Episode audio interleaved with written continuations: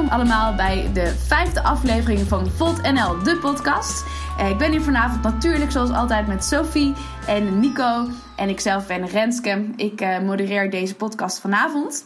Um, we hebben het vanavond over het Europees Parlement. Nico zal ons een uh, update geven en daar is heel erg spannend nieuws te vertellen. Dus dat zullen we zeker even gaan discussiëren. Dan hebben we een interview. En niet zomaar een interview, maar een surprise interview. We weten namelijk nog niet zeker wie we gaan interviewen. Maar uh, u uh, zult dat zo dadelijk gaan horen. Maar het wordt hartstikke leuk. En uh, daarna zullen we het gaan hebben over de eerste vrouwelijke president in Slowakije. Het actualiteitsonderdeel geleid door Sophie. Nou, ga lekker zitten, luister. En hier komt Nico met nieuws over het Europees Parlement. Het nieuws van het parlement is nieuwe regels voor vaderschapsverlof. En ook oudersverlof. Nu is het 10 dagen vaderschapsverlof, betaalde werkdagen, um, op niet minder dan het niveau van ziekteverlof. Dit wordt de nieuwe regel voor alle Europese landen. Dus uh, tot nu, enige landen hebben wel vaderschapsverlof, andere niet. Maar nu moet je als een nieuwe vader 10 dagen betaalde werkdagen nemen om met uh, je kind te zijn. En um, wat is dan het voordeel voor de man? Zeg maar, want ja, jij als man zou je dan niet denken van... nou, ik wil me niet dat Europa mij verplicht om uh, dagen vrij te nemen. Ik wil gewoon verder werken. Of denk je dat het wel een soort van uh, veiligheidsmaatregel is... zodat uh, mannen die het wel zouden willen het ook kunnen doen? Wat we zien van... Er is onderzoek erover. In Frankrijk had je vaderschapsverlof voor betaalde dagen. In Frankrijk was het al opgenomen door 80% van uh, medewerkers met permanente contracten. Maar voor de mensen met uh, korte termijn contracten was het alleen 48% en 32% voor um, mensen met een eigen bedrijf. Veel mensen willen die gebruiken, maar het hangt af je situatie. Ja, ik weet het. Ik vind het wel. Um aan de ene kant denk ik, heb je iets in Nederland nou nodig? Nou weet ik dat het inderdaad maar een paar dagen zijn die, uh, die Nederlandse mannen sowieso vrij krijgen als ze vader worden. Maar het klinkt eigenlijk een beetje als iets ouderwets. Um, weet je wel? Dat, ik snap dat er in andere landen waar de rolverdeling nog uh, wat conservatiever is, dat dit misschien weer, ja, als toch een beetje uh, van bovenaf wordt het me opgelegd of zo aanvoelt. Ja, de vrouw is nou eenmaal thuis en de man werkt nou eenmaal. En in andere landen klinkt het zo van, oh, hebben we dit echt nog nodig? Misschien kunnen we het onze mystery-kandidaat eh, straks ook nog even vragen.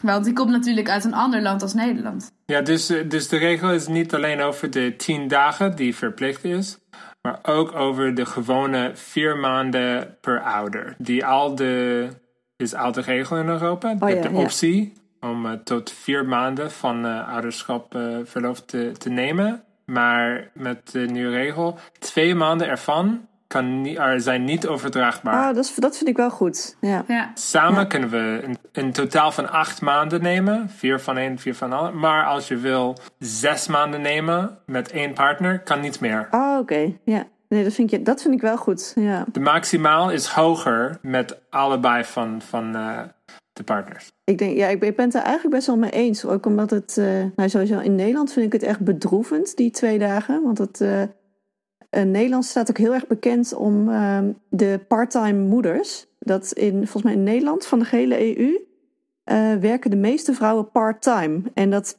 komt eigenlijk ook een beetje door, ja, doordat het ook een beetje in de hand gewerkt wordt. Dat vrouwen krijgen dat verlof van, dat zwangerschapsverlof van vier maanden, geloof ik. En kunnen ook ouderschapsverlof nemen. En als die vader bij het begin van de geboorte van het kind maar die, ja, die twee mini-dagen krijgt, dan wordt hij daarna ook niet echt gemotiveerd om langer verlof op te nemen, omdat er ook niet veel kans toe is. En ik, heb het, dat, ik denk dat vrouwen sneller in Nederland in ieder geval part-time gaan werken, omdat ook de verlofregelingen niet zo goed zijn voor vaders. Of dat het niet makkelijk te verdelen is. Maar dat is dat is ook waarom ik me afvraag: is dit dan iets wat je Europees moet regelen? Want waarom kan het niet? Weet je, je hebt dan bijvoorbeeld een land als Nederland, waar we dan uh, um, waar we proberen van de twee naar de vier dagen te gaan. En je hebt andere landen waar, waar dit al um, anders geregeld is. Dus waarom vinden jullie eigenlijk dat dit op een Europees level moet worden geregeld? Het hangt af wat je ziet als de prioriteit. Als het een issue is van, van gender equality. Uh, ik zie dat als echt belangrijk voor alle Europa. En niet als een ehm, nationaal issue. En, en je hebt dit soort van, als Sophie heeft uh, gezegd, een soort van uh, vicious cycle. Een man en een vrouw werken, werken allemaal, allebei. En dan, maar de man verdient een beetje meer dan de vrouw. Dus de, de vrouw stopt met het werken om meer tijd met het kind te hebben. En dan in deze tijd ontvangt de vader misschien een beetje meer geld. En dan denkt de vrouw: oké, dan is het logisch en economisch dat ik uh, thuis blijven of part-time werkt. En, en het is niet alles in, het is niet maar één keuze, maar veel keuzes. En dat uh, als je wil dit, uh, deze cycle ombreken, moet je iets systematisch hebben. Nou, hartstikke bedankt voor het nieuws uit het Europese parlement, Nico. Dat is natuurlijk weer um, heel veel waarmee we ons bezig kunnen houden. En ik ben ook heel benieuwd naar alle reacties ook uit de verschillende Europese landen. Er zal wellicht ook verschillend op gereageerd worden. Um, en dan gaan we nu over naar onze ontzettend spannende, ook voor ons, interview met de mystery guest.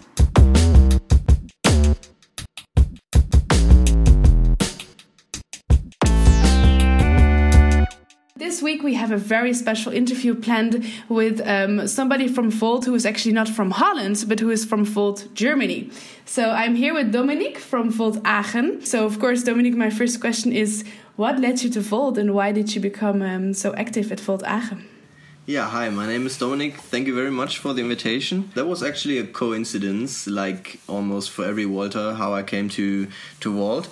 And one of your friends, Renske, actually, um, Thomas Tucker, brought me to Walt because I it's he's a friend of mine, and we we didn't meet in in some time. That was last year in June and he said, "Yeah, okay, let's let's meet up for a beer." And then uh, we we found a date, but the uh, the problem was that there was a meeting, and he told me, "Yeah, there's this pan European movement." Uh, just come over and we can talk about private stuff there at this uh, event.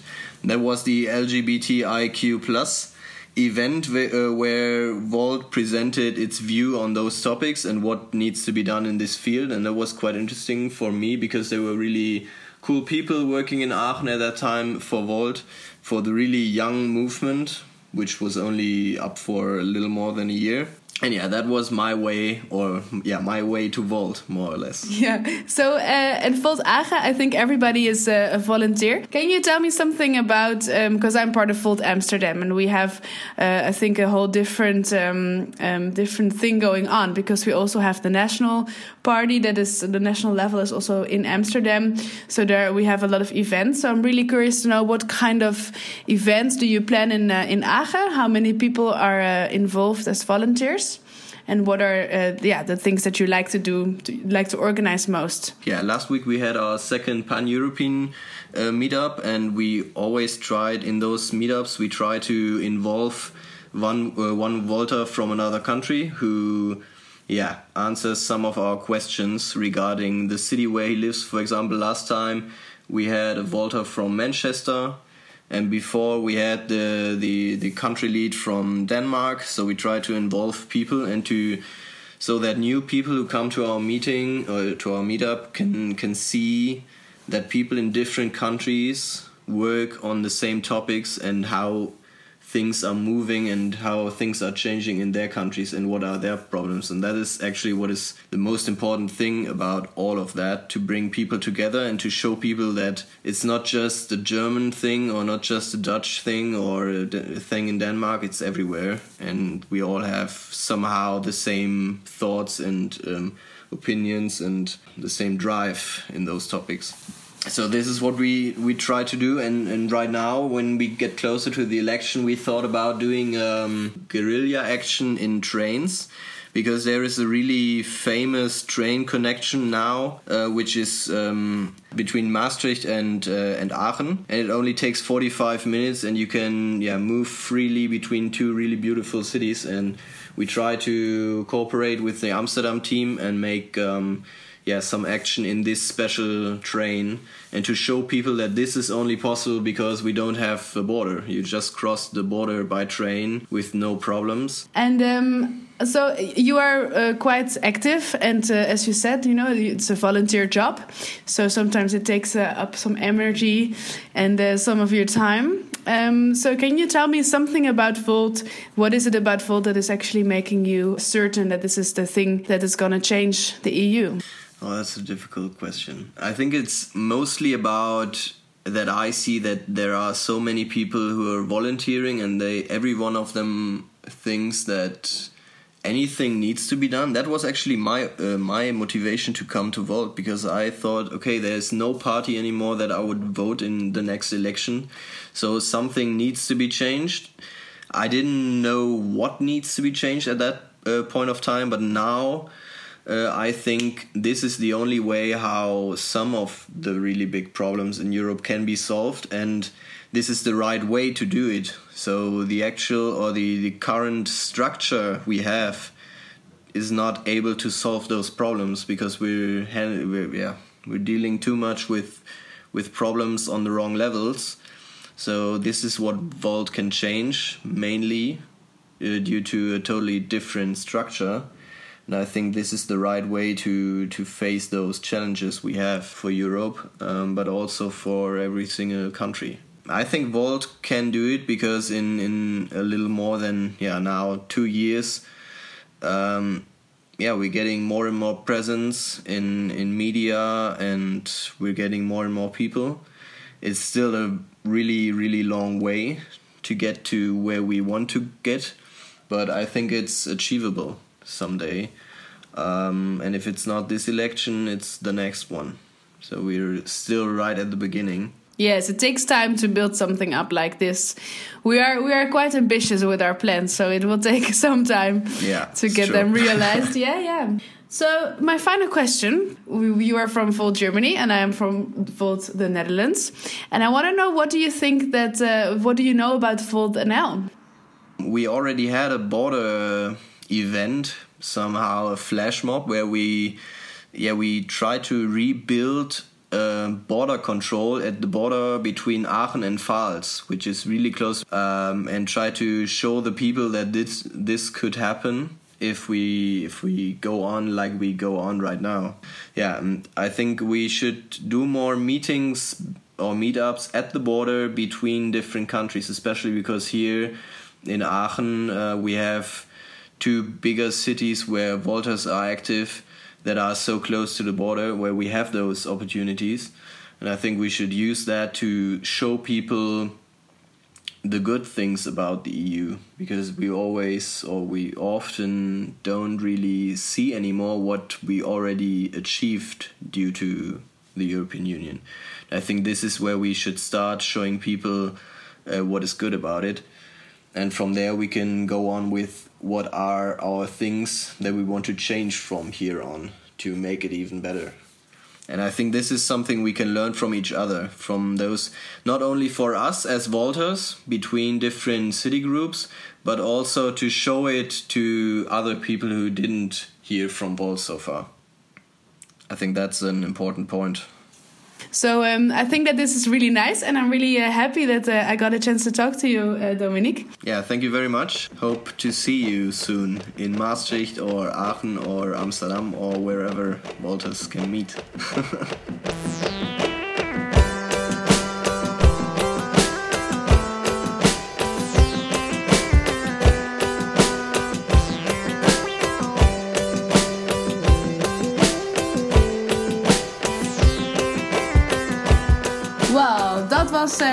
ontzettend interessant. En uh, ik ben uh, heel blij dat we nu eens uh, met iemand gesproken hebben die ook bij Volt hoort, maar dan niet Volt NL, maar Volt ja, van een ander Europees land. En we zullen zeker proberen in de komende podcasten nog meer van dit soort verbindingen te leggen. Um, dan zijn we nu weer aangekomen bij het laatste onderdeel en dat is natuurlijk de actualiteit. Nou, waaruit te kiezen tegenwoordig? We zouden dit, uh, dit, dit segment ook wel uh, 3,5 uur lang kunnen laten duren. Maar we hebben toch uh, gekozen, of eigenlijk jij Sophie. Dus vertel, ja, wat, waar wil je met ons over praten? Inderdaad, wat je zei, er is echt zo'n enorme brei om uit te kiezen. En deze week heb ik even gekozen voor wat vind ik positief nieuws. Want ik herinner me vorige podcast ging het vooral nog over Forum voor Democratie en Thierry Baudet. En toch een beetje de geschokte reactie die daar uh, ja, over te zien was bij veel mensen.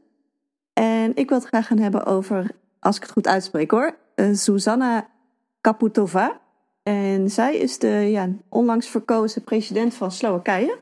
Zij wordt de eerste vrouwelijke president van Slowakije, wat natuurlijk al heel tof is. En zeker in Slowakije ook wel echt uniek, de eerste ooit. En ook uh, wat zeer opvallend is, dat zij ook te midden van een hele hoop rechtsere buurlanden, dat zij echt een, uh, een frontvrouw van een hele progressieve partij is. Dat zij ook enorm strijdt tegen corruptie en ook uh, LHBTQ-rechten en eigenlijk een, hele, hele progressieve denkbeelden op nahoudt. Wat eigenlijk enorm opvallend is. Zeker in Oost-Europa van nu. En ik ben heel benieuwd hoe ze het gaat doen, want zij wordt wel een beetje als een outsider gezien. Wat natuurlijk ook logisch is. En dat de, huidige politici, met name de mannen, vinden haar toch wel een beetje raar. En een, eh, een vrouw en ze is jong en ze is ook helemaal niet zo ervaren. Ze is uh, in het verleden advocaat geweest. En ze is pas eigenlijk sinds kort bij de progressieve Slovaakse partij begonnen. Dus ik vind het zelf heel spannend. wat denken jullie? Ja, het, is, uh, um, het klinkt eerst als goed nieuws. Ik vind altijd als een vrouw president wordt, maar daar spreek ik ook als vrouw misschien. Wat ik heel leuk vind aan deze podcast opnemen is dat we het nieuws van plekken als uh, Ierland, um, uh, heet het, Oost-België en nu Slowakije bespreken. En um, ja, dat geeft me toch ook weer het idee wat, hoe veelzijdig en spannend Europa ook is. Ja. En hoe leuk het is om, om je daarmee bezig te houden. Tenminste, ik vind dat heel leuk. Maar vervolgens dacht ik ook, je moet natuurlijk eigenlijk dit nieuws in, in zo'n context plaatsen van wat voor soort land is dan Slowakije? En ik had het idee dat het best een, een uh, recht conservatief land was. Ja, dacht ik ook. Waar ook populisme, nationalisme aan het opkomen is. Is dat, heb, heb, is dat een gegrond vooroordeel? Of, um... Ik moet zeggen dat ik het ook niet heel goed wist. Maar uh, het, het, is wel een, een katholiek conservatief land. Wat ik in ieder geval uit de artikelen over uh, haar verkiezing zie. Dat het van huis uit wel wat meer de conservatieve kant op ging. Ik weet niet of het ook echt zo opkomend rechts als Hongarije is. Denk dat niet, maar ze hebben wel altijd gewoon een conservatieve koers uh, gevaren. Dus dit is wel echt heel uniek ten opzichte van uh, de vorige president en uh, haar tegenstanders. Maar dit viel me ook op, ja, zeker in Slowakije. En ook, ik realiseerde me pas hoe weinig ik van Slowakije wist. Ik ben wel één keer in de hoofdstad geweest en dat vond ik eigenlijk al een best wel moderne hoofdstad, maar ik had me er nooit zo extreem in verdiept. Dus ik vind het leuk om te horen. Ja, ik denk dat uh, we hebben in de West een idee van Oost-Europa een beetje, ja, ouderwets of uh, conservatief. Maar met elk land is het iets anders. Uh, specifieke culturele um, ideeën wat normaal is of wat belangrijk is. En van wat ik begrijp, er zijn de issues in Slowakije zijn echt over corruptie nu. Ja, ja dat is in ieder geval uh, wat nu heel erg speelt, is dat er heel veel uh, corrupte politici uh, waren zijn geweest. En er is een, een moord op een journalist geweest. Even kijken hoor. een jaar geleden is er een Jan Kuciak. Ja, en zijn verloofde. Ja, precies. En ja, er is daar inderdaad een hoop gerommel geweest met inderdaad die moord. En politici die eigenlijk elkaar allemaal de hand boven het hoofd hielden en eigenlijk een soort vriendjespolitiek uitvoerde. Dus dat is iets, ja, en dat vind ik natuurlijk ook wel een beetje stereotype Oost-Europa. Om niet om per se in de stereotypen te vallen, maar dat is wel vaak het idee wat West-Europa van Oost-Europa heeft, heb ik het idee. Dat het wel binnen het cliché valt. We hebben, we hebben recent gesproken over wie zijn de politiek, politicus, politicussen? Politici? Politici? Ja. Politici? Politici? In de veel internationale bekend politici, die zijn voor ons uh, een bron van, van hoop. En dat, uh, dit lijkt me ook uh, een voorbeeld van. Dat zij komt uit een land waar het is mogelijk dat iemand van rechts neemt macht. Um, iemand die wil sterk zijn en de strongman. Um, uh, maar in dit geval was het dat het probleem was corruptie. En in plaats van een strongman van terecht was er Susanna Kaputova. Um, en als advocaat, zij was de beste persoon om, om dit uh, probleem misschien niet te oplossen. We moeten nog zien. maar om stemmen te ontvangen van de mensen.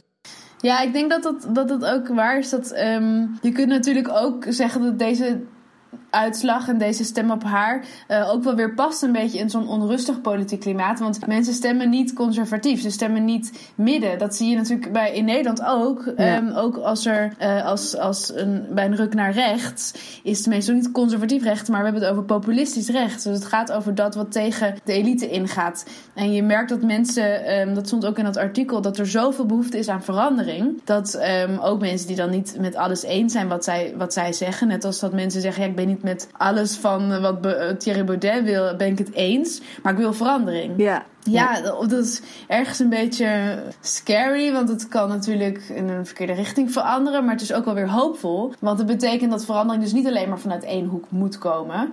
En uh, nou ja, vervolgd bijvoorbeeld zou ik zeggen, kijk, er wordt uh, gestemd op mensen die radicaal um, um, ja, gewoon zeggen van tot hier niet verder en ik ga nu verandering in. En zij is ook, net als onze uh, Volt-kandidaten bijvoorbeeld, um, niet, uh, ze heeft niet heel veel politieke ervaring. Het is niet zo dat zij al jarenlang een politieke carrière nastreeft. Maar het is vanuit een bepaalde urgentie van ik moet nu iets doen. En dat gevoel heeft ze al jaren. Um, bouwt zij iets op van er moet verandering komen. En dat doen ook misschien um, rechtspopulisten, maar dat doen ook wereldverbeteraars zoals onze Volters. Ik moest ook meteen denken, volgens mij, uh, ja, in de vorige podcast we het ook over, uh, hoe heet ze, Alexandria Ocasio-Cortez. Daar moest ik ook meteen aan denken toen ik uh, dit artikel las over die Slovaakse president. Dat is inderdaad, inderdaad een jonge vrouw, of relatief jonge vrouw, die heel strijdbaar is en ook echt tegen een soort onrecht lijkt te strijden. Dat, dat, die vergelijking kwam bij mij meteen ook wel op. En ook inderdaad nog niet politiek ervaren, maar meer vanuit een idealisme dan vanuit een partijpolitiek uh, aan het werk is.